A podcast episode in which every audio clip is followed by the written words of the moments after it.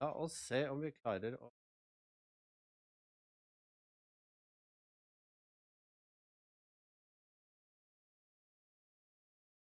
Sånn.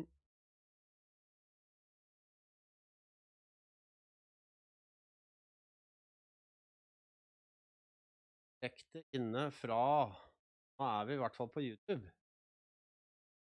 Der. Hei, alle sammen. Direkte inne fra Nå er vi i hvert fall på YouTube. Beklager at det er litt faktisk komplisert igjen.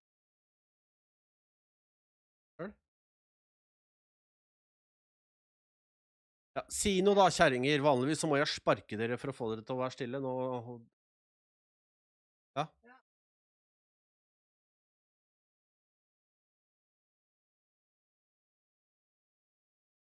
Veit du hva?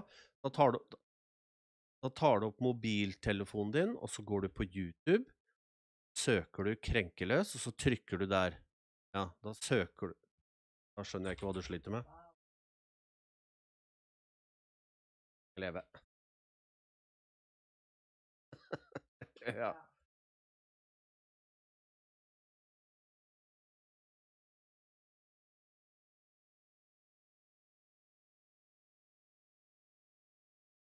Hadde ratt være med.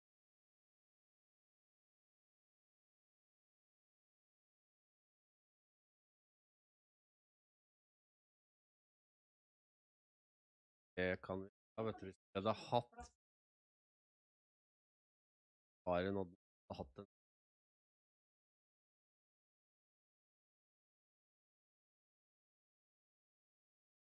Ja. Eh.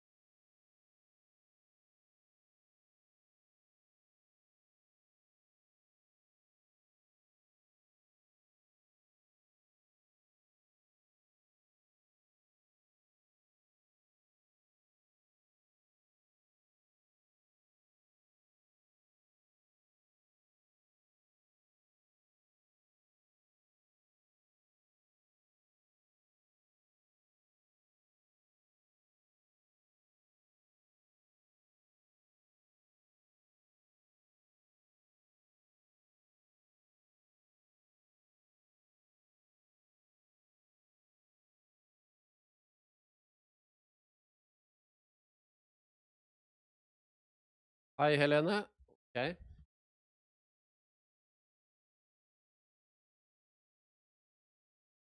Her er feil lyd. Fint, det. Blei det litt bedre nå, Helene?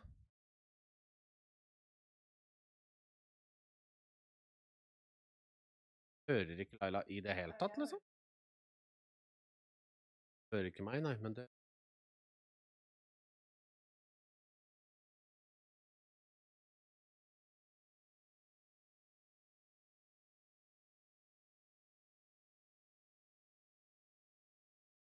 Jeg vil kan skylde på at det er torsdag.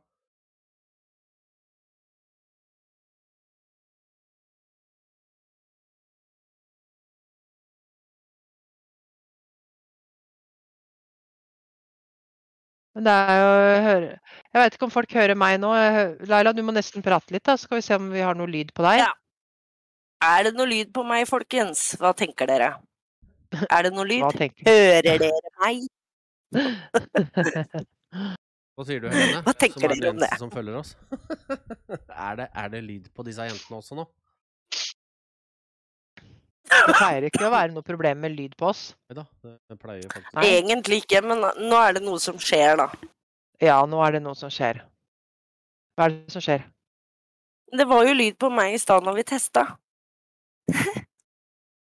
Det er sikkert, eh, sikkert noen som lurer på hvorfor vi sitter eh, hver for oss, eller jeg og Anders her og Laila hjemme. Jeg har jo litt med at det har vært litt sykdom, og vi tenkte at eh, det kanskje blei litt lettere å sitte på denne måten. Nei, de ser ikke det. Så for dere som lurte eh, Det er bra. Hei og velkommen, Charlotte. Hører fortsatt ikke meg. Ja, Helene hører fortsatt ikke. Gjelder det Laila, eller eh, Helene? Ja. Charlotte hører alle på Facebooken vår, i hvert fall. OK, på Facebooken, ja. Ja, men det er supert. Hvem da? I don't know. Det er jeg som har alt dette, så det, det For dette er jeg dritgod på, som dere sikkert legger. Der, ja. Ja, men da Ja, ikke sant? Helene har rett. Det er eh, YouTuben vår som sliter. Eh, Ja. Hvorfor skulle den slite, da? Den har jo samme innstillinger. Ja, det er eh, Vi har hatt litt problemer faktisk i dette huset her. At alt av teknikk, lyd og ting endrer seg litt sånn som du vil. Det er litt merkelig, det.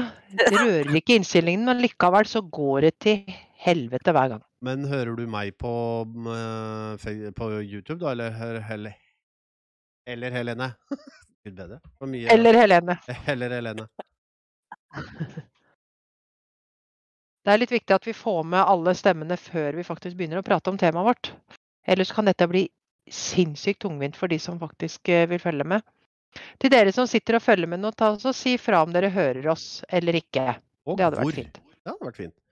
Ja, og hvor. Og Det hadde vært Facebook fint. funker alle, funker alle tre, sier Helene. Men uh, på Mm. YouTuberen så er det visst bare meg. Og Laila sier ingenting, så det er ikke så lett å høre henne. Ja, jeg har allerede svart, jeg. Jeg svarte ja. Mhm, Ok. mhm, Laila, er det sånn at hver gang vi skal ha live, så er du sulten? mhm. Eller er det bare sånn at du random? Dytter i trynet. Ja. Sorry, Men men eh, vi får vel da bare ønske alle velkommen. Hallo fra Hønefoss, hører alle tre på YouTube. Ok, da mm, Så bra! Velkommen, Martin. Mm. Ja, da hører vi alle på YouTube også. Så fint. Da skal jeg gå og hente meg noe å drikke.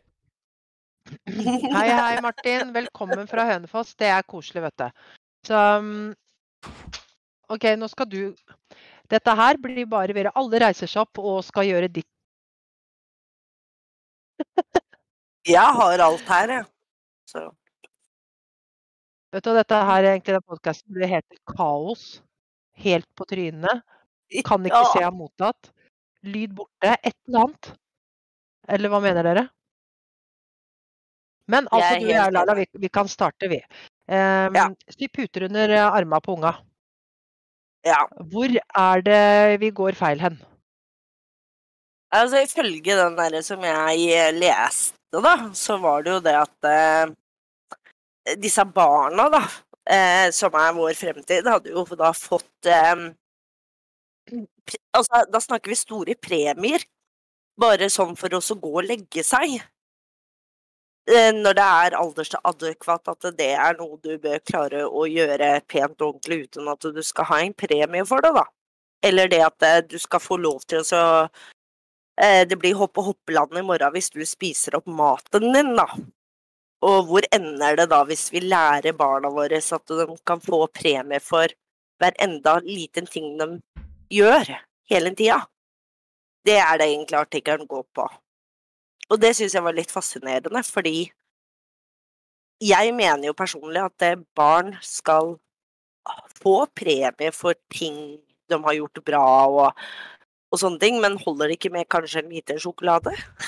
Må det være men hvorfor må vi premiere unga for å gjøre daglig, dagligdagse ting, som å pusse tenner, gå på do, rydde opp tallerkenene etter seg og diverse? Hvorfor kan ikke premien være det at ok, i kveld får du faktisk lov til å se på barne-TV som det var når vi var små? Ja. Vi har jo ikke tatt skade av akkurat det der. der. Det har vi jo ikke. Eh, før så var det jo liksom De premiene kom jo når du gikk til tannlegen. Det var én gang i året, det. Ja, sånn var det ikke der jeg gikk til tannlegen, for å si det sånn. Det, altså, premien for å gå til tannlegen var å slippe sko klassen, altså timen. Så når du gikk på skolen, så kom uh, sykesøster og henta deg, og så var det opp til tannlegen. Så var Yay, helvete, så slipper jeg ikke kristendom. Så bra.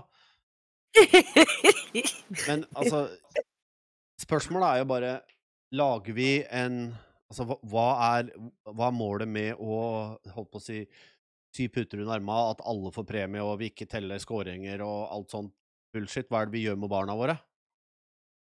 Jo, vi skaper en generasjon av tapere. Fordi det, alle er vinnere, da er også alle tapere. Du kan ikke, være, du kan ikke ha vinnere uten, du kan ikke ha vinnere uten å ha tapere. Så enkelt er det. Det kan du ikke. Nei, og da skal vi foreldre lære det annerledes enn alle andre, da. Så når de er på skolen eller i eh, organisert idrett eller alt annet hvor de får prestasjonspremie, altså eh, samme premie for oppmøte som alle andre, så skal, kommer de hjem til oss, og får de ikke annet enn lut og kaldt vann? Det, altså, det er sånn det blir. Det er der sammenligninga går. Men du har jo en annen ting også i dette her, og det er jo at eh, hvis du begynner å premiere barna, starte med at å, men hvis du er flink å legge deg, så skal vi dra i parken i morgen. Og så må du begynne å øke innsatsen for at barnet faktisk skal gjøre det du ber det om. Tror de virkelig ikke at barna er så smarte at de skjønner at dette systemet fungerer? Bare jeg er vrang nok, så kan jeg få ganske mye kule ting fordi at mamma og pappa ikke orker å stå ut fighten? Men det er jo akkurat det vi lærer dem òg, da. At eh, Ja. hvis Altså, når de blir eldre, så kommer jo de til å tro at det i det virkelige verden er rett og slett at det, Oi, vet du hva? Hvis jeg bare skriker høyest eller slår meg vrang, så kommer jeg langt. Og så gjør de faktisk ikke det. Tenk deg hvor harde smeller de kommer til å få i ansiktet når de kommer ut i det virkelige livet og bare Oi, det fungerer visst ikke sånn. Det har jo blitt litt sånn at den som skriker høyest som- eh, Ja, så Ja, nei, jeg bare tenker, Er det ikke vår oppgave som foreldre å faktisk forberede dem på livet? Når det gjelder studering, jobb, arbeidsmoral. Jeg skulle likt å sett en sjef si at ja, i morgen skal vi dra på Disneyland hvis du klarer den oppgaven jeg har gitt deg, liksom. Det, Mm Nei, Nei? altså i arbeidslivet så blir du Altså du blir belønna i forhold til Altså du har bonuser altså, Men når du har kommet så langt som arbeidslivet, så er du stort sett sosialt oppdragen. Da har du opplevd motgang, du har opplevd uh, suksess, og du har opplevd alt. Men når du er i hvert fall fram til du er 18, da, så er du avhengig av å bli Eller ikke avhengig av, men du blir oppdratt av så mange andre enn bare hjemme. Altså det er venner, Mm. det er sport, det er skole Altså det er så mange andre sosiale settinger som er like så viktige som, som hjemmet. Og hvis resten av samfunnet bare går rundt og dikkedarer, og du kommer hjem til mutter'n og fatter'n, så er det altså det er um, lekser før mat, det er rydde bort Altså det er, det er striks Altså det er strikse regler, det er faste rammer. Så blir det jo en kulturkrasj hvis du på fotballbanen kan gå, bare stå på sidelinja med den ene tommelen i rasshølet, den andre i kjeften og bytte plass når du er lei smaken. Altså, ikke sant? Det må være en det må være en mellomting her, og det betyr ikke det at vi foreldre skal være 100% involvert i alt unga gjør. Fordi at når unga er på fotballen, så kan vi vaske huset eller uh, gudene veit hva. Pante flasker handle mat. Whatever. Så vi er avhengig av at unga våre oppdras der de er, på samme måte som vi gjør. Ikke likt, selvfølgelig, men at regler At det, at det er en viss likhet der, da. Og jeg er helt Nå er det jo ikke- det er blir som ikke at to foreldre må er stå sammen. på en samfunnet sin jobb å oppdra unga våre. Det er faktisk vi foreldre. Det at vi foreldre sender barna på skolen og forventer at skolen skal oppdra unga deres. Og så klager det på skolen hvis unga ikke oppfører seg. Det blir også litt feil. Selvfølgelig skal vi jo følge opp eh, Med fotballen, Anders, så skal vi følge opp unga våre på fotballen. Men vi trenger ikke være der 100% hele tida, gjøre, legge det liksom rød løper foran dem og sørge for at ingenting kan gå galt hele tida. Nei, nei, det er jeg for så vidt helt enig med deg men tenk deg da i Holdt på å si fra første klasse til øh, de går ut av videregående, så er unga mer borte enn det. de med venner og Det de. alt Ja. sånt. Så det vil si at mesteparten av det de gjør, får de der ute. Av impulser, av inntrykk, whatever. Ja, det er hjemme. Det, må, det er grensesetting og folkeskikk og regler og normer og sånn blir satt hjemme i, i, i ung alder, holdt på å si. Men det er jo der ute de opplever det og bruker det og former det inn sånn at det vi lærer dem skal passe sammen med vennene dem som på skolen og alt det greiene der. Mm. Ikke sant? Det er ikke noe vits at vi lærer unga våre svensk, og så går de på skolen og så snakker de norsk. Det, det, da skjønner de ikke tegninga. Men det er derfor jeg mener også det at det Vi må som foreldre tåle at unga våre ikke alltid vinner. Altså når du Er du ikke best, så er du ikke best. Men det er jo hvordan vi tar imot barna hjemme, som påvirker om ungen håper å si, orker å prøve en gang til, eller hva. Altså hvis vi er akkurat like dikkedarie som det, det samfunnet de er der ute i, så gir de bare opp. De eneste som faktisk fortsetter, er de ekstremtypene, sånn som Northug og altså sånne enere. Som veit fra de er seks år gamle at jeg skal bare bli best i verden, jeg. På hva nå enn det er. Om det er håndball eller om det er uh, langrenn, det har ikke noe å si. Men de vinnerskallene der sånn, dem får mye av foreldra sine, men mesteparten kommer jo internt. Det er ikke bestefaren til eh, Klæbu som har gjort han til verdensmester. Han har bare sørga for at det han ville, har han fått. Og så har du noe med evner og alt det der å gjøre, i tillegg, selvfølgelig. Men hvis foreldra hadde sittet hjemme og spilt PlayStation og, og driti i ungen hele veien, da hadde han ikke kommet noe sted. Hvis det hadde vært det samme i hans nærmiljø, hvis ikke han hadde vokst opp et sted hvor noen hadde tatt ansvar i idretten og sagt at hvis du gjør sånn neste gang, så blir det kanskje bedre, da hadde han gitt opp første gangen han hadde For han har ikke vunnet alt han har dukka opp i, han heller. Men da vil jeg gjerne skyte inn her at det, eh, tror du, for det tror jeg, at foreldre har gitt opp litt? At de har eh, lagt såpass mye over på samfunnet, sånn som skole, fritidsaktiviteter og andre ting. Sånn at eh, de har for det første veldig, de har mye mindre tid, mange av dem. For de, stort sett så Hvis det er to foreldre, så jobber begge to. fordi at det kreves for å kunne ha råd til de tingene man skal være med på i dag. Sport og idrett eller alt sånn for barn er ikke billig. SFO, barnehage, you name it, det koster penger. Foreldre er borte fra morgen til kveld. Og så skal liksom Og da legges jo mye av ansvaret på oppdragelsen på resten av samfunnet. Men tror du at foreldre faktisk da lener seg litt på det, og rett fordi at de rett og slett ikke har tid og ikke orker å ta den fighten fordi at de allerede har jobba hele dagen? Laila? Ja, jeg mener jo det at det Passe motstand bør barna lære uansett. Om du er så sliten etter jobb, ok, ja. Da er du sliten etter jobb, men passe motstand må du jo uansett klare å si lite grann. Altså, hvis ungen ter seg helt forferdelig til jobb, så må man også se litt på den situasjonen. At ok, hva er det nå?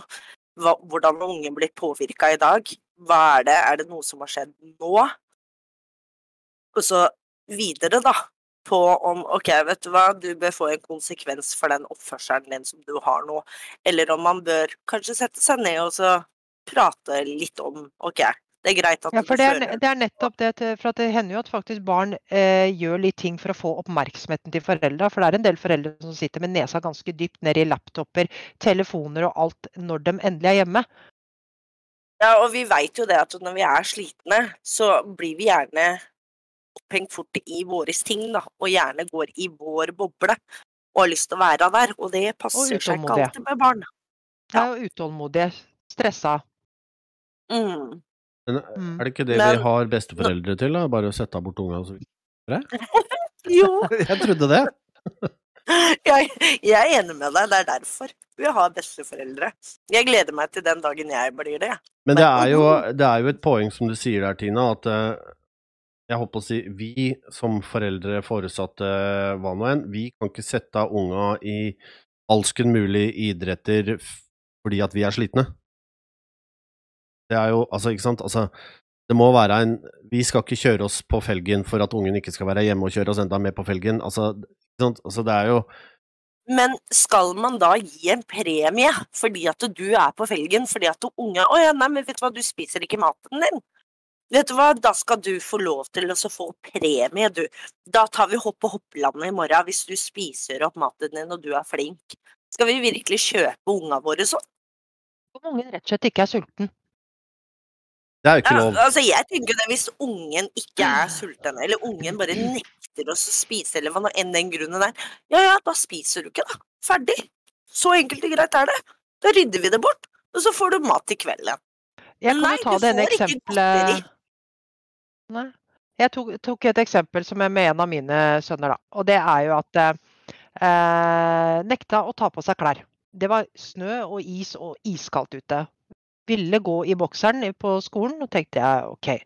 Vi hadde noen diskusjoner, og frem og tilbake så tenkte jeg nei, men faen heller. Da får du gå i bokseren, vær så god.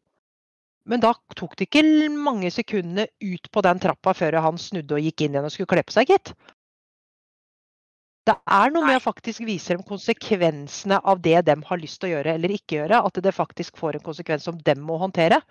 Skal vi hele tida gå foran og fortelle barna hva de skal gjøre til enhver tid, og aldri la dem få erfare hva slags konsekvenser det får når de ikke gjør det?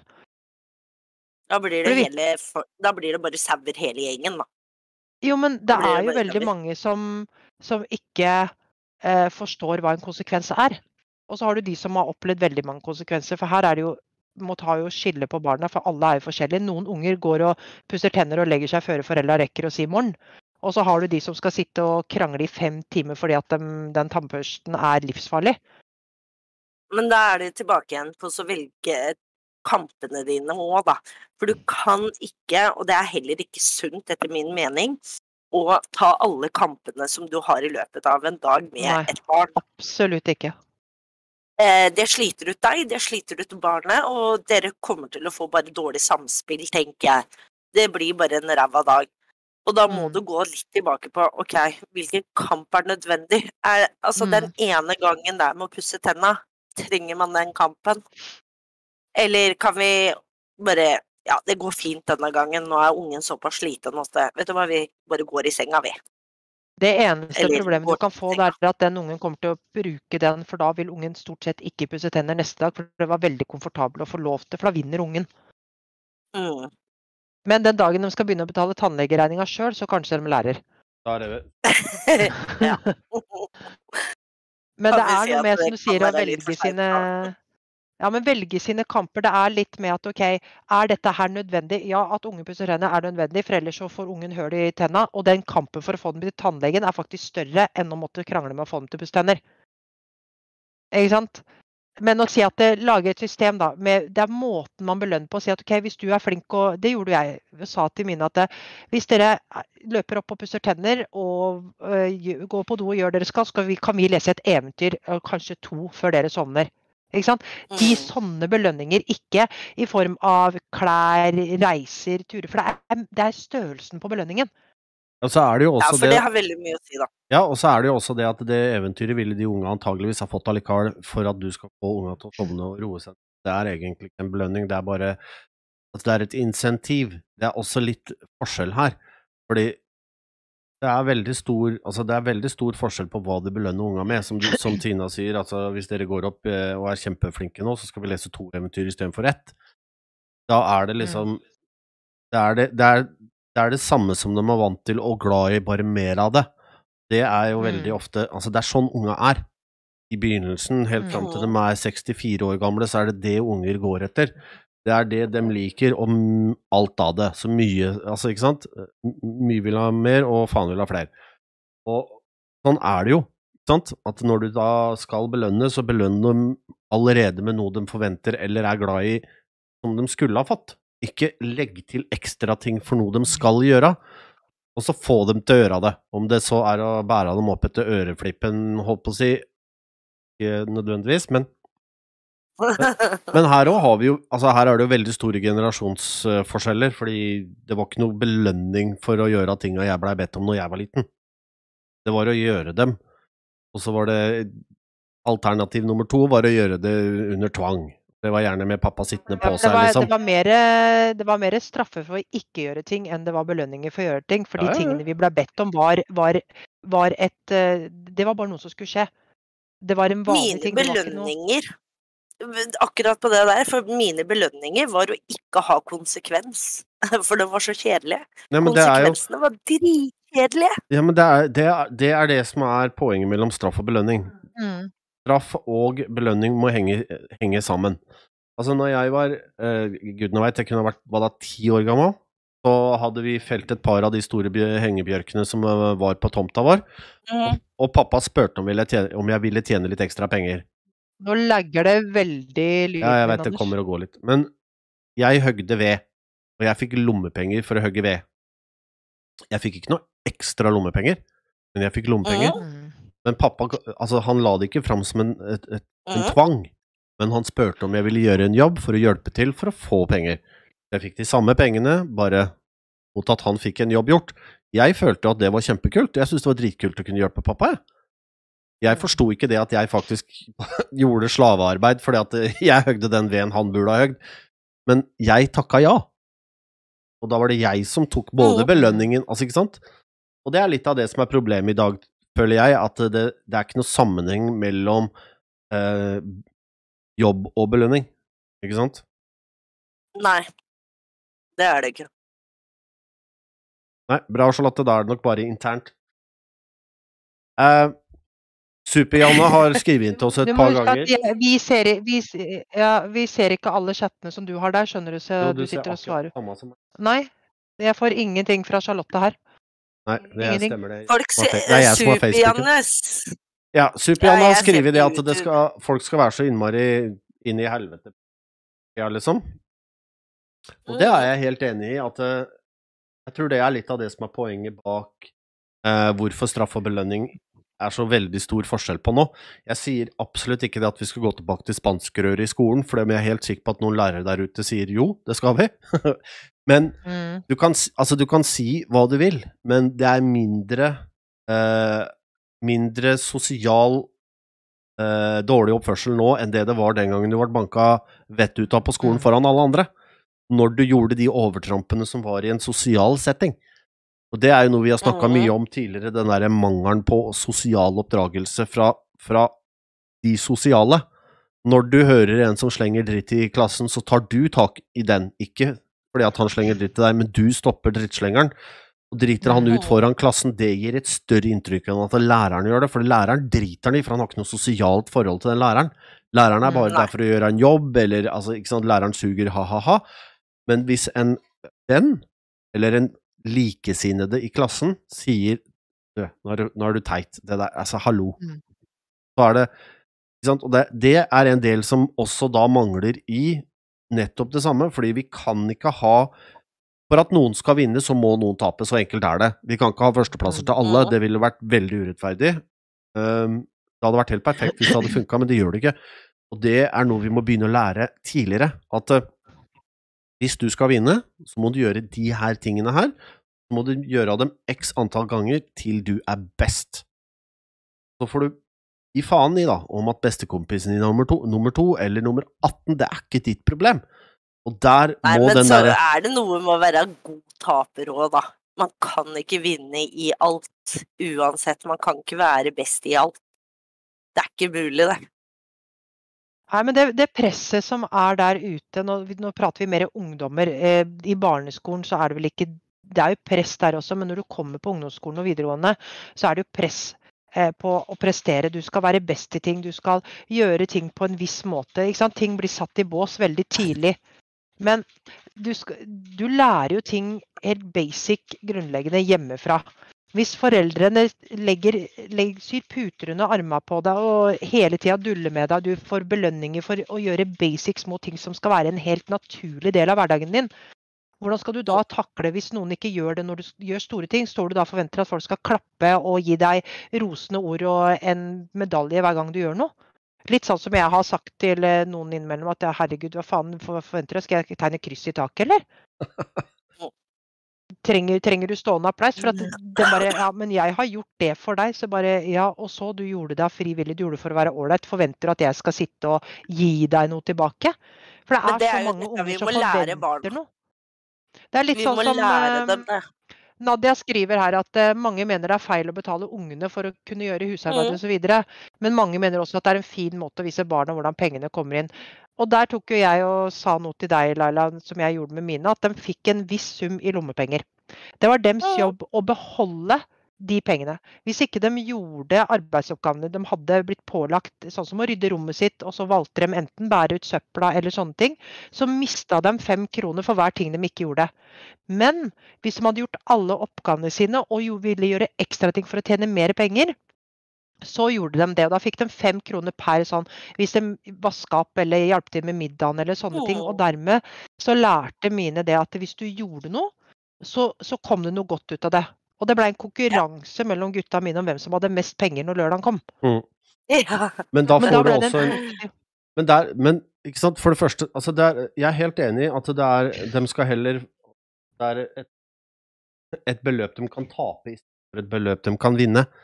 Ikke sant? Altså Det er som du sier, dere får 50 kroner i uka, og gjør dere alle oppgavene deres, så får dere det. Hvis ikke, så får dere mindre. Og har dere lyst til å tjene mer Mamma har mye dere kan gjøre.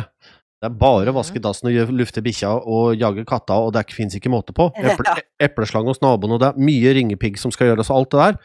Og det er en, da får du unga til å ville gjøre, ta del i noe, og, og være med Ja, greit, penga er en belønning i seg selv, men ikke bare, bare det at de eh, får penger. Og så er det det at du kan sette dem opp mot hverandre, fordi at det, de to minste er det jo såpass kort ta- tid imellom, holdt jeg på å si, at dem kan du faktisk sette opp mot hverandre. Men jeg, jeg veit ikke. Det, akkurat det der er sånn som eh, Ja. Jeg syns det er så gøy, jeg, fordi Super-Janne er ikke enig i det. Hun, uh, hennes fikk uansett alle pengene, som jeg tolker her. Ja. Det er så gøy, for da er det, vi er jo forskjellige, men de, Mm. altså, selv om vi oppdrar barna forskjellig, så er jo grunnprinsippene der at vi fortsatt vil lære barna det og OK, vet du hva? Det vil være en konsekvens for handlingene dine. Det vil være en god konsekvens eller dårlig konsekvens uansett hva du velger, da, tenker jeg. Og om de fikk alle pengene sine uansett, da lurer jeg litt på, Janne. Kjøpte de sitt eget godis? For sånn har jeg med min sønn. Han kjøper ja, om- sitt eget godis på lørdag med ukepengene sine. Hva sier du, Janne? Jeg er jo jeg, jeg, jeg skal jo Jeg skal ta et eksempel som veldig mange er veldig uenig i. Eh, Jeg har vært veldig teit. Eh, Jeg valgte å stole på guttungen, og i det i og for seg er jo riktig, da, å stole på han. Eh, Nei, du kjøpte alt, da. Hva brukte de lommepengene sine på da? Leker og Ja, sparte liksom? dem, eller? Eh, men i hvert fall, da. Han hadde kortet, sitt på kortet mitt på PlayStation, og han har vært kjempeflink til å spørre meg om han kan da kjøpe eh, for ukepengene, for han sparer veldig mye av ukepengene sine, da. Så han spør hvis han vil kjøpe noe på Fortnite, eller hva enn det er. Og i jul, rett etter jul så hadde han fått penger, og da følte han for oss å kjøpe seg spill på, Expo, nei, på PlayStation. Han kjøpte spill, to spill for 1200 kroner. Og det endte med at jeg sa til guttungen at han må betale meg tilbake, for det er hans konsekvens. Mm.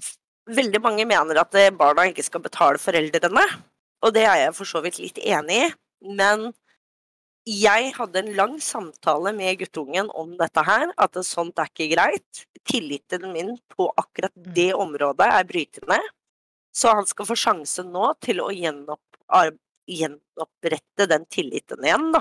For vi må være to om dette. Mm. Han må få en sjanse til å vise at han ikke gjør dette igjen. Og han betalte meg de pengene tilbake, men han, de pengene har jeg satt av, og de pengene har han mulighet til å tjene tilbake sjøl. Ved å gjøre oppgaver Mm. i hjemmet. Jobbe, eh, jobbe for det han har tatt, Ja. rett og slett. Men det må jo være Rett altså, og slett. Jeg er helt enig med deg der, Laila. Jeg gjør jo det samme for, eh, for eh, vår yngste. Han har eh, kortet mitt på PlayStation sin, og, og han har kjøpt spill via meg. Eh, men han har egne penger, så han vippser meg først og så tilbake, og det skal gå begge veier her, liksom. Men jeg er helt enig i at selvfølgelig skal han til betale tilbake de penga hvis han kan. Og det er, det, Ja, det, Men her må det har han gjort. ja, men her er, du, her er straffen uh, ok, for du sa at han var flink til å spare. Uh, det, altså, Nå Mm. er jo guttungen din er jo ikke liten lenger heller, sånn sett. Ikke det at han er, i, han er ikke stemmedyktig riktig ennå, men, eh, men du veit at, at han klarer å betale deg tilbake. Ja. Da står straffen i henhold til uh, forbrytelsen, for å si det sånn. Hadde han, altså, hadde han brukt 15 år på å betale deg tilbake, så hadde det ikke vært noe vits å straffe ham på den måten. Men så lenge du veit at han har muligheten til det fordi han er flink til å spare og liksom gjør litt sånn ekstra greier, så er selvfølgelig det en helt ok straff. Og det at du da velger å spare de penga han kan, eh, så er jo det på en måte litt Hva er kult. det som skjer med lyden her nå? Det er ingen andre enn du kunne.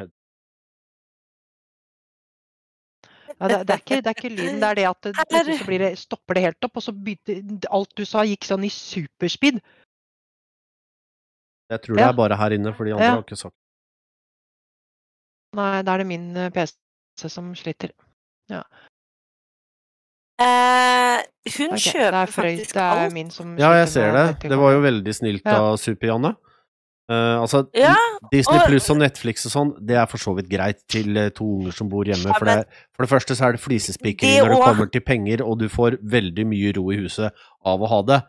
Men det du skrev tidligere, her at de, eh, lommepenga deres fikk dem for eh, eller til hva de ville. Du kjøpte godteri, du kjøpte leker og alt det andre greiene. Eh, da skjønner jeg ikke helt hvorfor de fikk lommepenger. Hva skal de med penger da? Liksom? Altså Hvis du har en Nei, på 16 Nei, ikke jeg heller. Hva, sparte de pengene, eller hva gjorde de? Men eh, hun er jo eh, Foreldrene har en omsorg, DVS. Eh, man skal betale alt for dem. Alle under 18 skal få alt av foreldrene. Eh, de som er over, det var hun enig med oss om. Men det med at hun betaler Netflix og sånne ting, da. Altså, det er jo én ting med det å være forelder. Man har alltid en forelder uansett hvor gamle barna er. Jeg, altså, hvis guttungen kommer liksom og spør om jeg kunne betale Netflix, og han hadde vært 50, så hadde jeg jo gjort det. Guttungen min, jo. Nei, Nei. han er 50. Jo. Ja, det driter jeg i, da. Jeg er for så vidt enig Jeg kan få lov til å være litt mamma òg. Jo, jeg er for så vidt helt enig til en viss, uh, til en viss grad, liksom. Men uh, ok, de fikk aldri lommepenger. Så hvis de skulle ut på kino med Holdt på å si Ok, nei, for jeg hadde lommepenger, og de brukte jeg Jeg fikk dem en gang i uka. Oh, ja. Og jeg brukte dem på det jeg ville bruke dem til, om det var snop eller Lego eller et eller annet, liksom. Altså, hallo, Ja, for det gjorde jeg jo. Bursdag og julegave, da, som Men alle eh, andre. da må jeg bare spørre Su Super-Janne. Hadde unga dine faste arbeidsoppgaver som måtte gjøre for å hjelpe til i hjemmet, eller gjorde du alt hjemme også? Det er jeg litt nysgjerrig på. Her er det jo veldig spennende å se hvor store forskjeller det er i forhold til eh, Det er jo ikke barnearbeid, hallo. Det kalles å faktisk gjøre egne ting hjemme. Det er å lære dem at eh, Der er jeg ikke helt enig med deg, Janne. Det er en feil måte å si Men det det er ikke jeg heller. Men ehm, For, altså, det er én ting hvis du øh, Hvis man har Sånn som du da, Tina. Ta deg. Du har flere gutter. Hvis du hadde mm.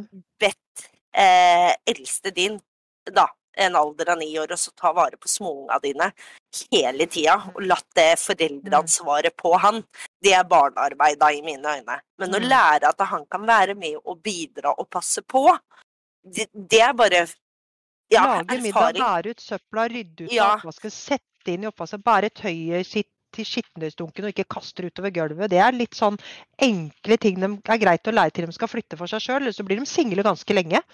Ja, det er det jeg tenker også.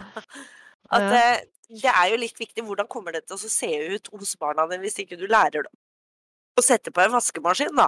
Eller vaske, bidra og sånne ting. Fordi at det, når de flytter for seg sjøl, så tror jo de at eh, hushjelpa er der og plukker opp etter dem, da. Tenker jeg. Det er derfor jeg pleier å si at mora di jobber ikke her. Ja, jeg bor, jeg bor sammen med to av dem, men mora, mora deres jobber ikke her. Selv om jeg gjør ganske mye, men jeg forventer også litt tilbake. Altså. Selv om de er 23 og snart 20. Men sånn som Charlotte skrev i stad òg, at ros er like så viktig, det er jeg faktisk helt enig i. At uh, i stedet for å premiere dem med absolutt alt, at man faktisk har rose nå, da. At det, Oi, men nå Så Martin faktisk skriver her at han bodde, bodde i et fosterhjem der han fikk 50 øre per egg han plukka, 5 kroner for å ta inn posten og 10 kroner for å gå ut med søpla. Fikk ikke bare lommepenger der, måtte jobbe for det. Da lærte du, Martin, at eh, ja, når jeg gjør ting, så får jeg noe igjen for det, noe som er positivt som jeg kan hygge meg med seinere. Det er, eh, jeg synes det, det er ikke det at alle må gjøre det, men som du, Janne, skriver at barna ikke Selvsagt lar man ikke barna vaske etc. Det er jobb som oss foreldre. Hvem er det som har bestemt at det er foreldre som skal gjøre den jobben? foreldrene selv. Veit du hva, Janne? Ja. Det er helt, helt greit at du velger eh, den Mm. Å si den eh, omsorgen som du gjør. Eh, selvfølgelig Mm. er det det. Det føles litt unormalt for meg, fordi i mitt hjem så var det veldig, veldig annerledes, selvfølgelig, og jeg har to Mm. eldre søstre som har fem barn, som har vokst opp på en veldig annerledes måte enn deg, hvor eh, Mm. de, de har vært en del av husholdninga. Har vaska sine egne rom når de har kommet til en viss alder. Det er ikke de første, de første fem-seks åra, liksom. Men når de har blitt Mm. litt grann eldre og for det første roter mer enn det de gjør når de er mindre, sikkert, eller på en annen måte, så, så har de blitt, altså, blitt med i, i husholdninga, men de der lommepengene og det greiene der kommer jo gjerne i tillegg, liksom. Eh, så, men det er kult å se at vi, eh, håper å si, vi gjør ting såpass forskjellige, og, og Mm. det er litt sånn som vi sier, og her har det sikkert litt Det er veldig generasjonsskille, er garantert, og så har det jo litt grann med hvor du kommer fra. Altså, da jeg var Mm. liten, fattern jobba tre jobber, og mutter'n jobba to, for å få, få det til å gå rundt, liksom, med, med meg og søstera mi som bodde hjemme, og altså Det var ikke lett. Så, så det var heller ikke muligheten for å hive penger etter meg. Jeg har fremdeles den He-Man-dokka som jeg husker å grine meg til på A-leker inne på Alna-senteret når jeg var liten guttunge. Den He-Man-dokka ligger oppe her enda, eh, liksom nesten like pen. Eh, så det er sånn Men når vi blei eldre, altså når jeg var i tenåra, så tok mutter'n og fatter'n Da var det jo bare meg, hun eldste søstera mi, vi flytta ut når jeg var 14, for det er ti år mellom oss. Og da var det sånn, da tok mutter'n og fatter'n meg med på bilturer. Ikke noe sånn supersexy, fa fa fancy ferier eller noen ting, men vi kjørte til Østerrike, og så bodde vi på et uh, vintersportssted midt på sommeren, så du fikk det jo gratis. Og når, når jeg sier gratis, så tror jeg faktisk det er sant, for han hotelleieren, når han låste om kvelden, så la nøkkelen under dørmatta. Uh, så vi kunne komme og gå som vi sjøl ville, men det var jo ikke noe betjening da på hotellet. Men altså, da vi gjorde vi sånne ting, og jeg har masse, masse gode minner fra de kjøreturene nedover i eh, Europa, liksom, som vi gjorde helt fram til jeg var eh, Siste turen jeg og mutter'n og fatter'n var på, da var jeg nesten 18. Så kjørte vi nedover eh, til Italia og igjen sov Bodde på et vintersportssted på høysommeren, så det kosta jo ingenting. Så det er liksom Men det var, vår, det var oss, ikke sant. Vi kom fra litt andre Eller hadde litt andre muligheter. Nå er det jo også da sånn for meg og Tina, da, som har voksne barn, 23, snart 20, og minstemann er liksom 16. Så det er klart, de tingene de vil ha nå, er litt mer enn det lommepenger dekker, Mm. og ta ut oppvaskmaskina to ganger i uka dekker, liksom. og vi har ikke muligheten. Jeg er på AAP, og hun er ufør, så det er liksom sånn Vi må ta til takke med en litt sånn annen framgangsmåte uansett. Så her er, det, her er det ikke noe fasit. Her er- handler det om eh, situasjon, eh, muligheter og Jeg ser jo det selv folk som sitter med ganske gode lønninger og har veldig mye, eh, krever at barna skal være en del av eh, husholdninga og hjelpe til. Og så har du andre som tenker at neimen, mor er hjemmeværende, så hun tar alt. Unga går på skolen og gjør sine ting. Så her, som du sier, Anders, at det er eh, forskjell på hvor man kommer fra, hva man er vant til, og hvordan man selv ønsker å oppdra barna.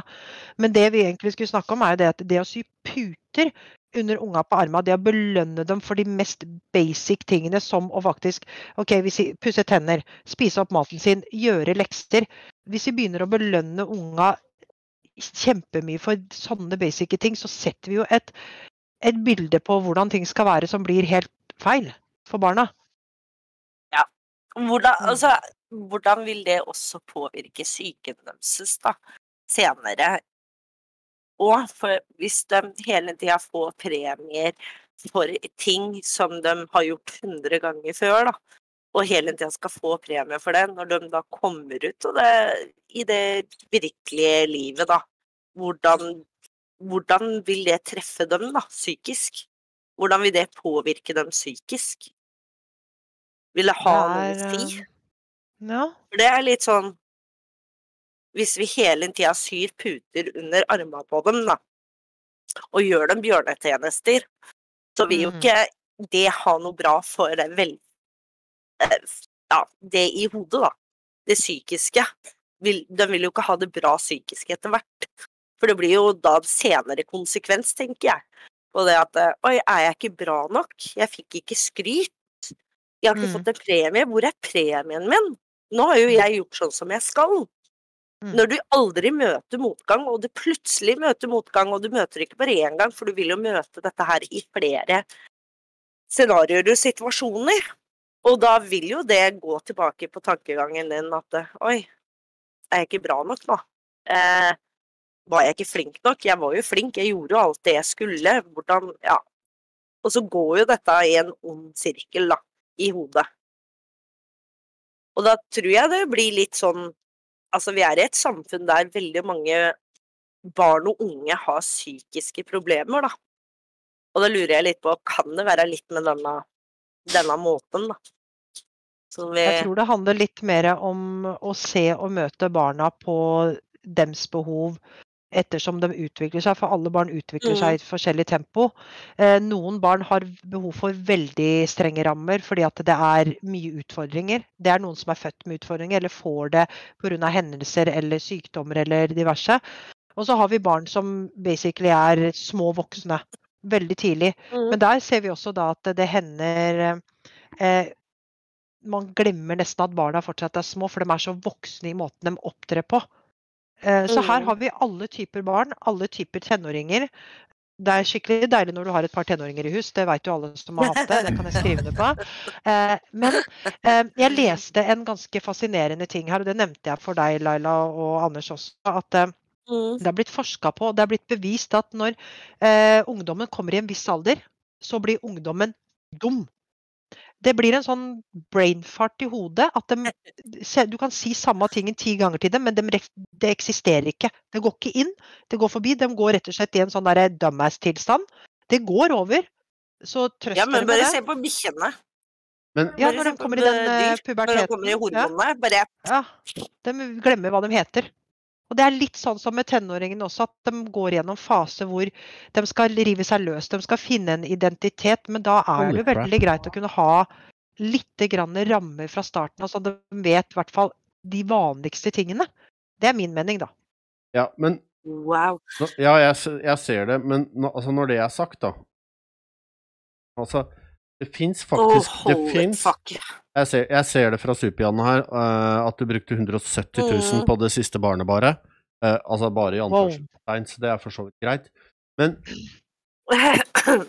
så er, det- så er det én ting med det derre presset med uh, hva Altså alle barna skal ha de kule greiene og alt det der. Det, det er ikke noe nytt. Sånn. Det som er nytt Tina snakka litt om det nå, og vi kan snakke om det. Det fins faktisk forskning som viser at generasjonene nå er dårligere utrusta for eh, skuffelser, eh, motgang osv. enn det de var før. Nå er det greit å ta med i den diskusjonen her at eh, verden er annerledes, helt klart, men jeg tror jo, eh, for å være helt ærlig, så tror jo jeg at dagens samfunn er såpass uh, vinnerfiksert, for å kalle det, at vi utdanner mer tapere nå enn det vi gjorde tidligere. Og da mener jeg ikke tapere som i, i Altså, jeg mener mennesker som får utfordringer, som har vanskeligere, som har en litt brattere bakke. Uansett om det skal være så enkelt som dysleksi, for det om det er komplisert nok, eller om, eh, om det er liksom altså virkelig, virkelig store plager. Men igjen så handler det mer om hvordan vi tar vare på de svakeste i samfunnet, uansett hvorfor du er svakest, og hvordan vi setter mennesker i båsen svakest. Ikke sant? Og det vil Jeg har, jeg, jeg har et Ja. ja, nei, og det, det vil alltid være et problem når mennesker er såpass forskjellige som det vi er. Ikke bare med bakgrunn og oppvekst og økonomi og alt det pisset der, men fra starten av. Altså, det er enkelte av oss som er født med utfordringer allerede før vi er født, sånn som for eksempel Altså, det kan være hva som helst. Psykisk helse og mental helse og fysisk helse også kommer fra barn, fra DNA. Så jeg veit ikke. Det blir vanskelig å si noe på hva som er den store forskjellen der. Jeg har en litt sånn fin eh, liten kort eh, story der. og jeg, eh, Dere som har fulgt meg, som vet at jeg har bodd på ungdomshjem.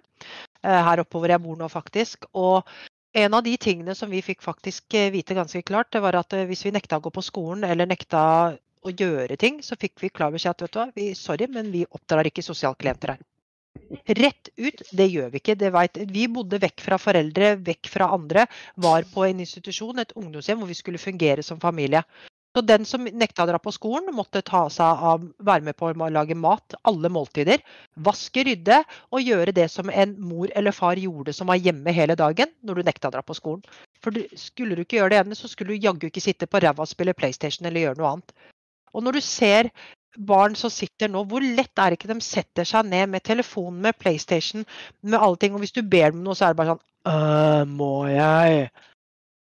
Alt det, er det syns jeg er litt kult på de TikTok-videoene vi ser folk som har laga sånne med at eh, 80-tallet kontra nå, hvordan en tenåring f.eks. svarer mammaen sin. Det er stor forskjell, altså. Jeg er altså. jo generasjonen, da, millenniumsgenerasjonen, som de Mm. pent kaller oss. Og ut ifra den generasjonen der, da, så er det, Dette er en psykolog jeg ikke aldri husker navnet på. Men sånn som han pent sier om millenniumsgenerasjonen, er at vi har blitt fortalt at vi kan bli hva vi vil hele tiden. Vi kan oppnå hva vi ønsker. Eh, vi har aldri fått motgang. Vi har blitt premiert med absolutt alt hele tiden, da. Og jeg føler ikke at jeg er millenniumsgenerasjonen. For er det noe jeg har blitt vant til, så er det vel det at det er motgang hele jævla tida. Forvent det verste, så blir du ikke skuffa. Kjenner du den, Ja. den Laila? Rett og slett.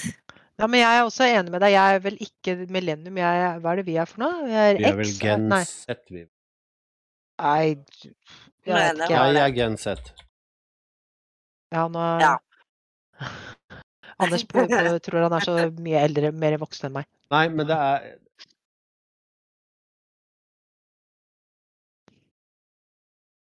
Så er Super-Janne skriver noe her at eh, hun fikk hennes og. Maurits klær til jul og kasta det. Det var kun designerklær hun skulle ha, og liksom født i 99, og samme er min sønn. Hadde brukt Emma Ljungavogn. Internett var ikke der, nei. Ja, vi er generasjoner. Men eh, som Super-Janne sier her, at eh, jeg veit ikke om dere, dere der ute har hørt om Kubusbarna. Det var det vi ble kalt før. De som hadde foreldre uten mye penger og gikk i kubusklær, det ble Kubusbarna, for da var du fattig. Da hadde du ikke råd til ting, og det ble du mobba for. Nå kaller de det First Price-barna. Og jeg vet ikke, men Vi skal bare drepe den med en gang. for at First Price er nå like dyrt som merkevarene, så den kan vi bare drepe med en gang. At den kan ikke brukes lenger. Eh, det Men hva spiller det for noen rolle? Altså, merkeklær eller ikke. Altså, han derre som bodde i Kjella Han bodde i kjelleren vår. så Han, vet du hva, han kom alltid Jeg spurte han, jeg. at Hvorfor han hadde alltid sko som kosta 200-300 kroner, for jeg syns skoene hans var dritkule. Mm. Og han sa det, nei, han hadde liksom 200-300 kroner. En periode så var det disse Miss 60-buksene, og det skulle være så mye ja. populært. Og han var egentlig sånn motefyr. Men skoene hans var aldri noe merke. Og så spurte jeg ham hvorfor. Og han bare, vet du hva? Det spiller egentlig ingen rolle, fordi at eh, han kunne ødelegge han merkesko i løpet av en måned i forhold til billige sko. Så det, om det er merker eller ikke, det spiller da for fanke meg ingen rolle, tenker jeg. Så lenge du syns klærne er kule sjøl, og du liker, du liker å ha det på sjøl, da. Der, jeg veit ikke om du husker det der Canada Goose-jakkene. At foreldre går og kjøper jakker til ungene sine for at unger blir mobba eller blei mobba hvis de ikke hadde de dyre merkeklærne. Og så går foreldre og kjøper disse dyre merketingene. Eh, sånn som eh, Janne skriver her, liksom. Og eh, det er, det er liksom hvorfor, hvorfor er vi så opptatt av at ting skal se så bra ut? Er vi opptatt av å være millionær den gærne veien for at unga våre ikke skal bli mobba? Vi hørte jo om i USA at de ble mobba av de unga som hadde Samsung og ikke Apple. Det sier litt om hva slags holdninger de barna som vokser opp nå har, og hvor har de det fra? Det er, lærer dem hjemmefra, eller samfunn. Nå veit vi jo at uh, all den der pepringa med reklamer er jo retta direkte mot unge mennesker. Det er veldig mye av dem. Ja. Det er de som, Og så har du unge influensere som uh, akkurat er klekka ut, og som går rundt og viser fram eh, og kjøp dette her, det er så bra.' Og så er det liksom sånn vesker til 10 000 kroner. Og når de reklamerer for julegave på TV, det er PlayStation, det er telefoner. Hva var det vi fikk i julegave? Guttungen, han, han eh, måtte gjøre akkurat det samme som meg. Han, han ville ha Xbox. Han måtte spare. Han sitter Mm. nå med den nyeste Xboxen. Han har spart til den sjøl. Jeg tok med meg han ut og handla den sammen med han, og han betalte kontant med sine egne penger. Enkelt og greit. Jeg sparte opp til egen sykkel. Jeg sparte opp til første PlayStation da jeg var mindre. Det var ikke noe å bare få da. Julegavene mine var sokker og sånt, og du kan prøve å komme til min marokkanske familie og så si det. Jeg vil ha en PlayStation, jeg vil ha Xbox. Da blir Altså, du hallo, ut. da får du araberslappen fort, ass. Det skal jeg love deg. Eller så får du en sko etter deg, et eller annet. Jeg pleier å si til mine ja, men det er bra, da får du skaffe deg en jobb, sier jeg. Du får begynne å jobbe, så kan du betale for det sjøl. Så kan vi snakkes. Men Det, altså, det er helt vilt. jeg må jo si Hvor altså, er det Hvorfor lærer vi den, da? Det, kan, det, det kan du Ja. si, og det, det, kan godt være Altså Det er nok Altså, det er, er nok litt begge deler. Altså, den eksterne påvirkninga i forhold til reklamer og venner og alt det der, hva unga har, og ah, gud bedre han har det og sånn. Jeg husker jo det når uh, uh, kompisen min fikk PlayStation 1 den gangen det kom. Så fikk jo han PlayStation 1, mens jeg hadde ikke. Så det var jo antageligvis, uten at jeg husker det, så kan jeg, jeg kan tenke meg at det var et visst press, press pålagt fra meg til mutter'n og fatter'n på at jeg også burde ha. Ikke sant? Altså, Mm. fordi han har jo, hvorfor kan ikke jeg få? Det er jo, altså han er jo, ikke bare det, han er jo år yngre enn meg. Herregud. Men hvorfor, hvorfor skal du ha noe bare for en annen har det? Fordi at det er jo det som er kult, og det er jo det, altså, gammel var jeg Ja, når men PlayStation 1 hvorfor kom, lærer jeg vi unge at det er kult? jeg var Hva 13, hva er greia med det? Jeg har aldri blitt lært det. Nei, men da var det ikke sånn i ditt miljø. Det var ikke det at han satt og hang, holdt det over huet på meg at han hadde PlayStation. Jeg kunne spille på den PlayStation så mye jeg bare ville. Det var ikke det det handla om, det var bare at jeg også ville ha noe han hadde. Og hva om Altså, jeg er født i Altså, jeg hadde to venner, jeg. Ikke sant? Jeg er født på bondelandet. Jeg hadde to venner i gata, begge to yngre enn meg. Eh, begge to arbeiderfamilier uten voldsomt med voldsomt med mye penger. Så når, altså, når Martin fikk eh, sin PlayStation, så er det klart at eh, det, det påvirka oss to andre. Men vi hadde bare Altså, vi var en liten gjeng, det var et lite press, alt det greiene der. Hva om jeg hadde vært ti år eldre, da, og født i Oslo? Eller født ti år etterpå og født i Oslo, og hatt 15 kompiser? Som vi var liksom Alle vi hang sammen og et eller annet, og jeg var den eneste som ikke hadde hatt PlayStation. Og så hadde jeg kommet hjem da til mamma og pappa og sagt at du, nå, nå har alle gutta i klassen har PlayStation, men jeg har ikke. Og uansett og, øh, om Du fu- det at nå prater du om min generasjon, som da også Jeg er også født og oppvokst Ja, ja. i Oslo.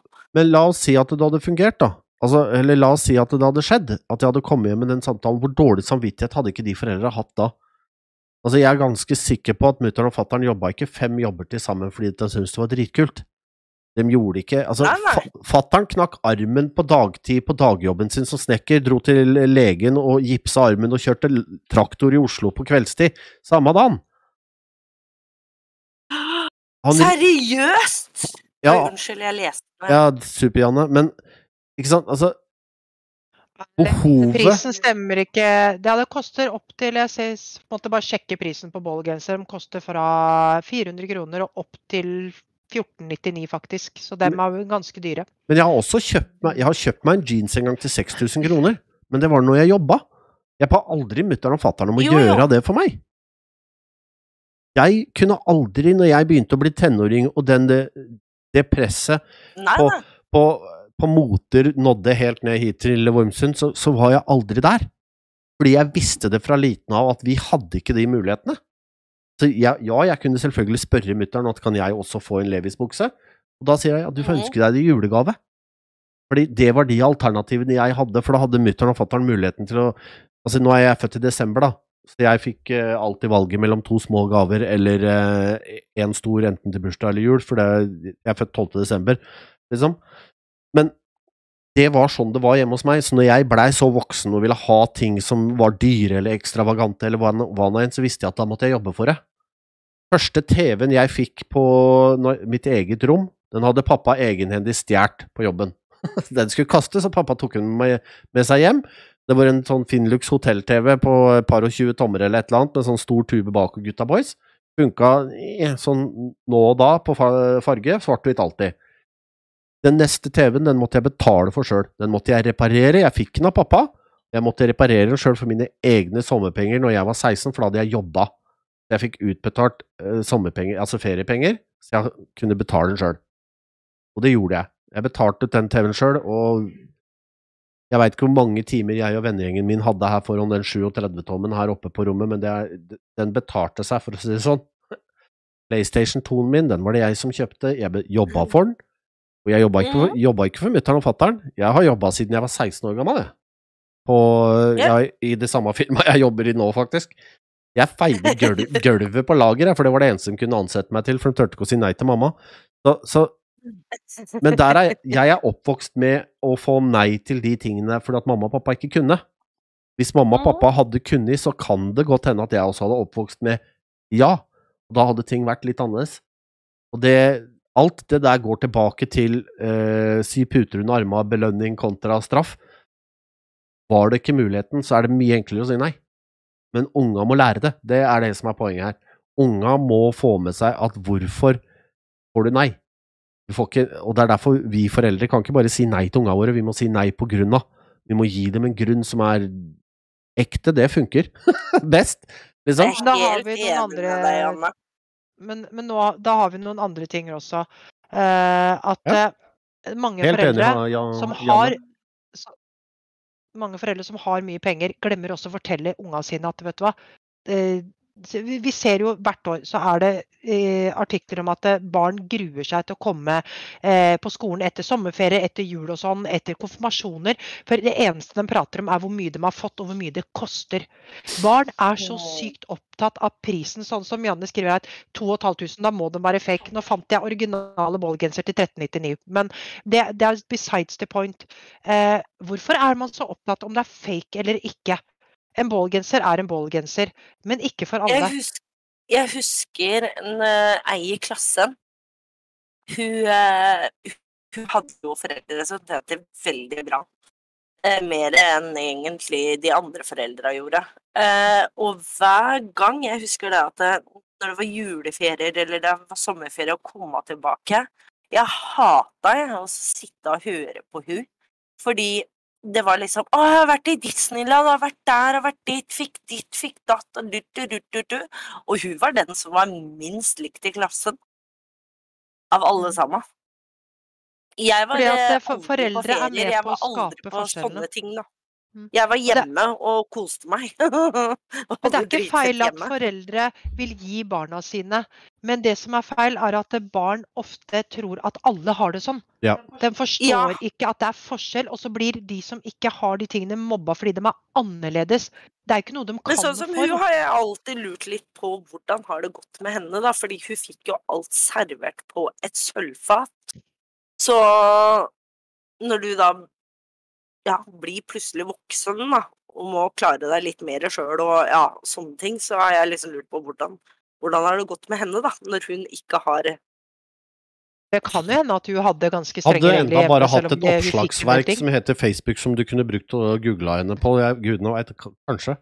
Men det, det som Det som Tina også var inne på her, det som på en måte mangler litt, er at unga blir fortalt hva ting koster. Mm. Ikke å 6000 kroner, for at 6000 kroner behøver ikke å bety noe for enkelte familier. For de 6000 kroner Nei, men det er er jo veldig sånn som med kort òg. Du har alltid penger, det er bare å dra kortet. Det Ja, husker sånn guttungen sa. ene Min, min, guttungen sa. min sa det når jeg sa at nei, det er, nå er det tomt for penger. Ja, men det gjør ikke noe, for du har kort. Ja, bare dra Den, kort. den er liksom, De trodde at det, men det var alltid penger på kortet, så bare Hvor har du det fra? Ikke her, i hvert fall. Nei, men det er jo fordi de, de forstår ikke tegninga.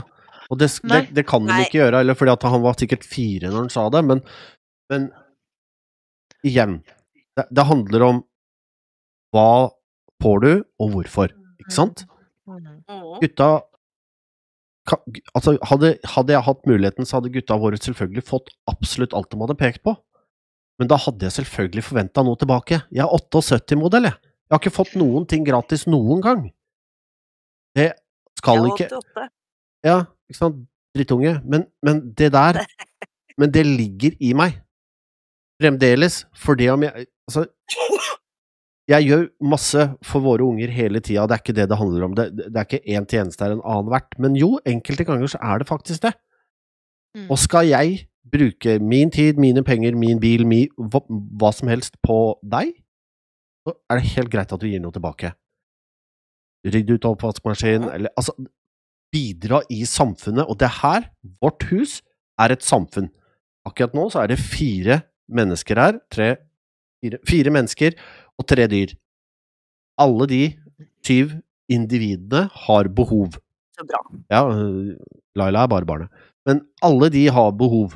De skal luftes, de skal fôres, de skal vaskes. Det, altså, det er noe som skjer her hele tida.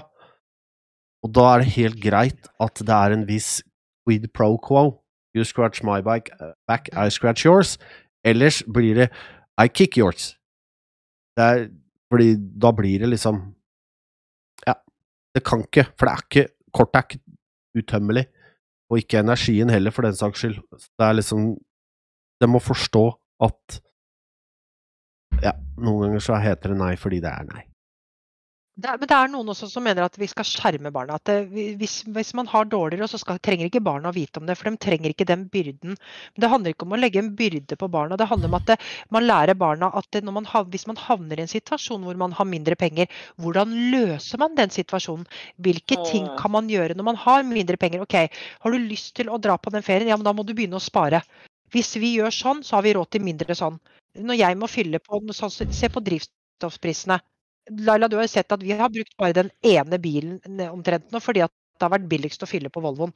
Og fordi at han ikke, Anders ikke kjører til og fra jobb nå, så kan vi gjøre det. Så bruker vi min i korte turer. Og Det er liksom, det handler om å prioritere. Og hvis vi lærer unga å håndtere uforutsette, vanskelige situasjoner, istedenfor å belønne dem for å ta, fortelle dem at du skal gjøre sånn, og så belønner dem, så lærer vi jo ikke å håndtere situasjoner. Og det er heller ikke feil at unga lærer at det, shit happens. Ting kan suge, men da gjør vi det sammen. Og da må alle trå til, ikke bare én. Og det, jeg syns jeg er helt feil å si at nei, vi må gi unga bare ro og forutsigbarhet og trygge rammer og sånt noe. Hva faen skjer den dagen de kommer ut til sin første jobb eller på videregående, og sånt, og så får de jo bakoversveis? Hvis det, For det er ingen som har sittet og klappa dem på ryggen fordi at de har gjort leksene, eller pugga godt nok til eksamen, eller Nei, det er nettopp ja. det, og det er det som er greiene. Og hva er det vi setter dem opp for? Jo, mm. å feile. Og da faller de mellom to stoler, eller gudene veit, og så blir de da en taper. Istedenfor å ha de nødvendige verktøyene til å tåle litt motgang. Og det, det trenger ikke å være mer komplisert enn å bare ta det med. Ha unga det Jeg husker pappa hadde en periode hvor han var arbeidsledig. Og da var det forsamlinger rundt kjøkkenbordet og fortelle at nå blir livet tøft. Pappa har ingen jobb, liksom. Jeg husker ikke hvorfor han mista jobben sin eller noe sånt, men det har ikke noe å si heller. Men vi gikk da fra fem inntekter ned til hva da, to og en halv. Det, det merkes, liksom. Så, så, så det var ikke Altså, det var ikke noe ekstra. Det var ikke sommerferie, det var liksom ingenting til Alt var på stell igjen, men dem sa ifra. Nå, altså, det var jo da heldigvis det året jeg var 15, 15 og så jeg konfirmerte meg, liksom. Da blei jo selvfølgelig konfirmasjonspengene mine gikk jo til mutter'n og fatter'n, dem. Det var Så enkelt var det. Vi hadde ikke penger. Og vi hadde festen her hjemme, det var hyggelig det, altså. Herregud, alle onkler og tanter og gud veit. Og jeg har noen av dem. Jeg hadde ikke det. Så det var hjemme her, liksom. Men, men, det var sånn det var da. Liksom. Vi hadde ikke Herregud, mutter'n og fatter'n måtte låne penger av den eldste søstera mi, faktisk, for å få ting til å gå rundt. Så det er liksom Ja. Det er ikke Nå blei jeg veldig nysgjerrig, unnskyld, men eh, Janne, Janne. Ja. ja, jeg lurte på hvor gammel er dattera di, liksom? Altså Var det hun det, som var, se, var ble 16? 16, eller ja. For da Nei, var det ikke 20? Nei, det var gutten. Ja. Men jeg lurer på om jeg har en datter til, eh, siden den eneste dere har kontakt igjen Ja. Eh, er hun ikke hjemme Altså, hun bor ikke hjemme, liksom? Hun som var 99-modell, da?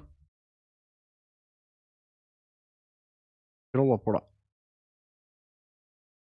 Du må bare svare hvis du har lyst, da, Seanne. Det er ikke noe tvang. Det, Nei, du trenger ikke måtte brette ut hele nei, nei, livet ditt her.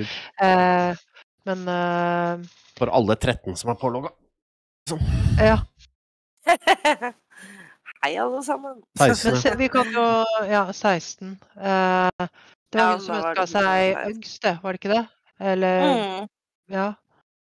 Det stemmer. hvor, hvor, da lurer jeg på, Janne, hvorfor har dere bare kontakt via Vipps? Har dere ikke, skriver dere ikke på telefon eller Snap eller andre steder? Er det fordi at du har angst, eller for hun har angst?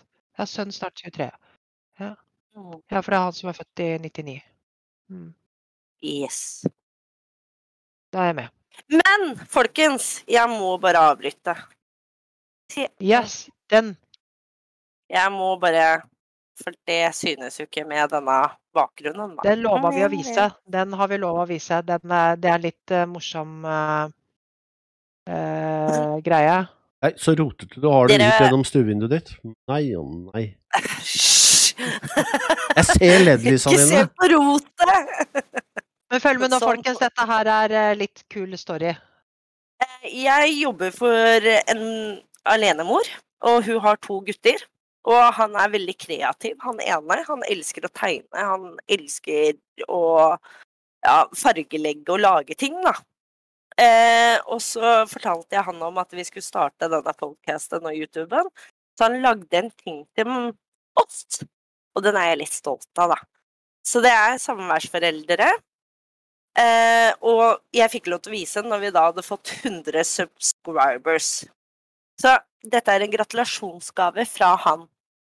Gratulerer. Eh, Congratulations with 100 subscribers, Ja, den var samværsforeldre. tøff. Den var kul. Det var eh, kjempekult. Det, tusen, tusen takk. Det var så utrolig eh, moro. Det, det har han brukt tid på, altså. Det her er kult. Ah, han lagde den mens jeg, var der. Og han ja, satt og og ordna og Mm. Mm, Han var kjempeflink. Ja. Så, og så har han prøvd å lage den i sånn 3D, da, så den går ut ja. til og med. Det, det er som så moro når skryte eh, lager ting og viser kreativiteten sin og er interessert i det faktisk det vi voksne gjør også. Det syns jeg er litt moro. Ja, det er kjempeartig. Så nå hadde vi liksom klart det sånn da Hæ? Den har jeg venta så lenge på å vise frem, liksom! Ja, Det må du takke den for. ja. Må si tusen takk fra oss alle her. Eh, super, Det skal jeg Janja. Eh, du er åpen, ja. Du, det er du som har angst. Jeg har ikke gått ut på fire år. Eh, og du sa fra deg barna. Så ja. Den angsten, den er en liten jævel. Det kan vel de fleste som har hatt eller har angst, skrive under på, eller hva, Gubbe? Jepp, det kan jeg skrive under på. Eh, og det er jo Wow. Ja, hva skal man si om det der, da? Det er egentlig Jeg har sjøl vært der. At jeg ble slått beina under av og endte opp med å legge meg inn. Rett og slett pga. angsten tok helt pusten fra meg. Og det er, det er veldig viktig å være åpen om det, og viktig å prate om det og gjøre angsten litt mindre At den ikke skal eie deg til slutt. Men det er en lang prosess. og jeg håper at du får hjelp til å håndtere dette her, og at du kan få tilbake kontakten med, med barna dine, sånn at angsten ja, ikke tar styringa der òg. Har du lyst til å si noe om det, Gubbe? Nei, altså det er eh, Nå var jo jeg for så vidt veldig heldig når jeg fikk min eh, holdt på å si min panikkangst og sånn at min var eh, en akkumulering av eh, et menneskes påvirkning over år, eh, liksom. Så når jeg kvitta meg med det mennesket, så var jeg egentlig altså bank i bordet. Jeg går fremdeles med medisiner og, og går fremdeles i samtaleterapi, så det er ikke det. Men det er mer forebyggende, håper jeg, enn noe annet. Eh, men Tina har for så vidt rett til det, for meg som er relativt ny i gamet. Altså, før Tina så hadde jeg så vidt noe forhold til de mentale lidelsene som var der ute i det hele tatt. Liksom, du fikk dem eh, på grunn av Tina, du. Ja, ja, de, er det. de kom sammen med gifteringen. Men Ja. eh, det jeg opplevde, da ikke sant? Altså, Det her traff meg jo som et uh, godstog, godstog i brystkassa, og, og låste meg, det låste meg jo helt. Um, og det å prate med noen, som for meg Tina, da, og, og på en måte la det La det gå, da. Eh, ta tida til hjelp, selvfølgelig, eh, men prate, prate, prate til det ikke er til døde, ja. Ja, men altså, det er ikke farlig lenger, liksom. Dere Eh, prater, prater om oss og prater på en måte litt i hjel for oss å gjøre det ufarlig. Ja, altså, Ja. fordi at hvis det er en del av hverdagen din, hvilket det er Altså, når du Mhm. ha, har du angst, så har du angst. Enten så går du og venter på neste angstanfall, eller så går du og venter på at det du har, skal gå over. Så enkelt er det. Ja. Så angsten er med deg hele tida, og det å ha den jævelen sittende på skulderen er slitsomt. Men hvis du kan prate om, i hvert fall for meg, da, og det å kunne prate åpent og ærlig om det få litt råd, selvfølgelig, men altså få noen som forsto meg, var alfa og omega, og det sa jo Nå har jeg vært på DPS, og jeg har vært gjennom en tre-fire psykologer og psykologiske eh, sykepleiere og litt diverse, og alle sammen sier jo det, at jeg er dritheldig, og jeg er dritflink som har takla det så bra. Jeg er veldig heldig som har Tina, men jeg er også flink som er så åpen om det. Nå, jeg snakker jo litt om det på snappen min nå når jeg og husker. og litt tørr, faktisk. Men, men, det er det, altså. Det er å prate om det, og, og Jeg har et lite, en liten greie også til deg, Janne. fordi at eh, det å ikke tørre å gå ut, det er så handlingslammende. Um, jeg gjorde noe som jeg måtte ta én centimeter av gangen. Og det, det, å ikke våge å gå ut, det er at hvis man har noen som man stoler på, som kan være med deg Men jeg hadde, var redd for å kjøre buss, jeg var redd for å gå på butikken, jeg var redd for å puste, jeg var redd for å sove, jeg var redd for å spise. Jeg, jeg ble redd for alt som var rundt meg. For det var et sånn mørke som satte seg rundt hodet på meg, ikke ville slippe. Og rett og slett trykka på brystet mitt i alt jeg gjorde. Jeg måtte rett og slett ta én ting av gangen. Og, Anders. Anders. Og Janne, det som kan være, vet du hva, én centimeter av gangen. Start med små mål. Bestem deg for at jeg vil prøve å gå ut over dørterskelen, og så går jeg inn igjen. Og det holder. Du trenger ikke redde verden på én dag, men Nei, for det er veldig viktig. På, som kan bli med. Ta, ikke stress, men som du sier, du, du har eh, gitt barna fra deg pga. rus. og det, vi vet jo alle at rus og angst eller psykisk sykdom henger veldig sammen. Det er derfor man må behandle begge deler, ikke bare selve rusproblematikken. Så jeg ønsker deg masse masse lykke til, og jeg håper at du får hjelp, og at du en dag kan sende meg et, eller også et bilde om at du står ute og veiver med det norske flagget. Det hadde vært dritkult, og vi heier på deg. Ja, det gjør vi. Det. Absolutt. Og det, Det er, gjør vi, det krever også baller på å skrive det her, Mm. så det er kjempemodig av deg. Så, Det er dritbra. men du må gjerne si, skrive til meg på sosiale medier, og eh, sikkert til Tina og Laila hvis du vil det, hvis du trenger noen å prate med, men ett skritt av gangen er superviktig. Eh, og det, veit du hva, hver dag du har prøvd, så har du vunnet. Hver eneste dag. Gjør bitte lite grann hver dag. Det er eh, Til slutt så klarer du det, og du husker nesten ikke hvor du starta inn engang. Det er- Men det tar tid, og det er tøft. Og, men vi er med deg, vi, Janne, så vi heier på deg. Jeg vil si en ting. Ja, vi prøver. jeg er veldig flink på Nå har ikke jeg angst, da, eller kjenner på den følelsen der, men jeg veit i hvert fall med meg og mine ting, er at jeg biter veldig over for mye. Og det er akkurat sånn som de Mm. sier, bare husk å altså ikke bite over. Gå ut i hagen da, hvis du klarer det. Ja, med ene skritt. skrittet, liksom. Mm. Ikke er- tenk på at oi, nei, jeg skulle ha klart butikken i dag. Fordi Mm. det ganger deg ikke. Nei. Da vil du Og så husk at det, hvis det er noe som ikke fungerer for deg, så har du ikke feila. Du har bare funnet ut måter som ikke fungerer for deg. Det kaller, å finne sine verktøy, det tar tid. Mm. Jeg er nå snart 43, og nå er jeg friskmeldt. Liksom. Jeg har gått i terapi siden jeg var fire. Så tålmodighet er eh, litt nøkkelen. Mm. Det er, men det som funker om- funker ikke for andre, og motsatt. Og det, vi er alle forskjellige og har forskjellig utgangspunkt. Og det er Og ja, Janne, jeg har eh, har prata litt med deg på Snap, og jeg skal svare deg litt mer, men har, eh, det går litt i ett her hjemme også, så jeg prøver å nå gjennom alle meldingene. Så beklager at ting tar litt tid innimellom.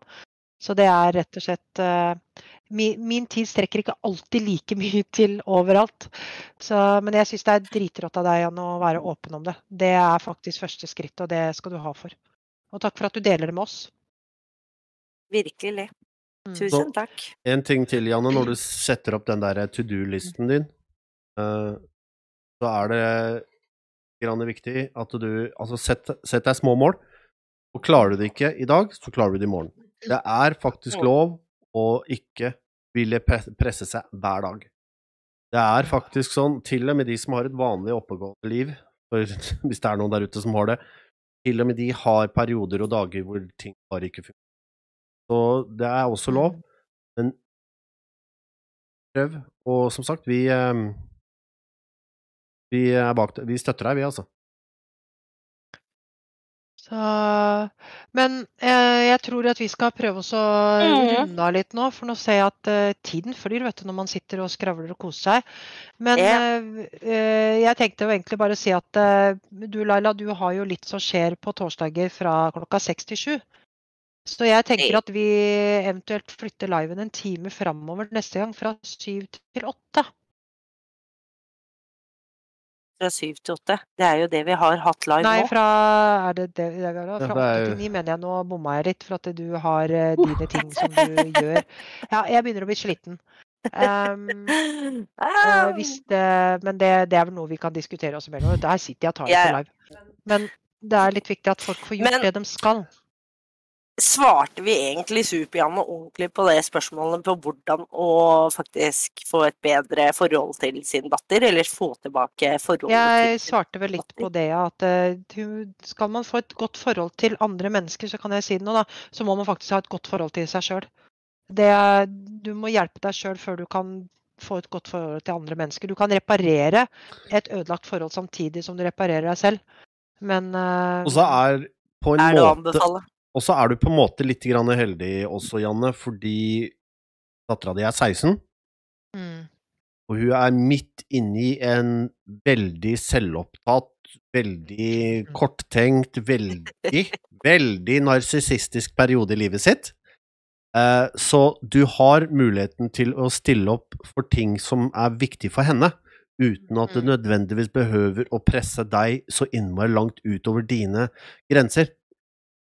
Eh, Vi har jo en snart 16-åring her, og han elsker oss jo, og vi gjør jo ikke dritt for han, men vi gjør de tingene han trenger, og han er eh, supersøt på veldig mange, alle mulige måter, egentlig, men han er også 16. Det er ikke hans feil, det, men han er det. Og der kan du bidra med masse god støtte, og Mm. samtidig sette av tid til deg sjæl. For nå har du slitt med litt uh, rusproblematikk, du har slitt med den angsten som driver og rir deg daglig, uh, sammen med gubben, håper jeg, men det er viktig at du Det er ikke så mye som skal til for en 16-åring. Det viktigste Mm. er at de føler at du er der, og at du svarer ja når de spør deg om ting. Det er, det er, det er noe en 16-åring setter veldig høyt. Og 43-åringer setter også det veldig høyt. Ja, og så er det litt med at når du har tenåringer Ja, jeg hører deg. Men det som også er med tenåringer, at eh, mange reaksjoner, litt sånn som med små barn også, at eh, noen ganger kan de bli veldig sinte. Mm. Og det sinnet trenger ikke handle om deg, og det at de ikke vil prate med deg, trenger ikke handle om deg i det hele tatt. Og det er liksom at de, som vi sa alltid før, baby steps, du trenger ikke ta alle kampene, du trenger ikke fikse alt, for det er ikke alt som trengs å fikses. Det bare er sånn i en periode. Og ha litt tålmodighet, ha litt is i magen, og ungdommene kommer som oftest tilbake. Det ser jeg på mine to eldste. De, eh, plutselig, de, de kom. Og det er eh, lytt til de små tingene, så vil de også komme til deg med de store tingene også. Nettopp. Det er kjempe, Så- kjempeviktig. Lytt til de små tingene, så kommer de med de store også. Mm. Så lykke til med det. Og så Ja, vi er tilbake igjen med live om en måned. Og, Og neste torsdag ny- er vi ute med en ny episode. Den, eh, den burde dere få det med dere, for det her prater vi eh, Oi, skal vi, skal vi reklamere litt for den, kanskje? For dette Nei, er jeg tror det går bra, jeg. Eh, De får ta, få en uke til å drikke og eh, slappe av på før de hører den episoden. det, dette, dette er Det rett trengs. fra levra. Ja, det Så- trengs. Det var uke, ukrenka ufiltrert. Yes. Uncut. Mm. Uncut. Men uh, da takker vi for følget i dag, og så må dere Mm. gjerne bare sende oss uh, snap og whatnot. Så Det snak som er. snakkes vi om en måneds tid. Mm. Det gjør vi. Takk for i dag. Ja. Takk for i dag. Ha det. Takk for i dag. Ha det bra.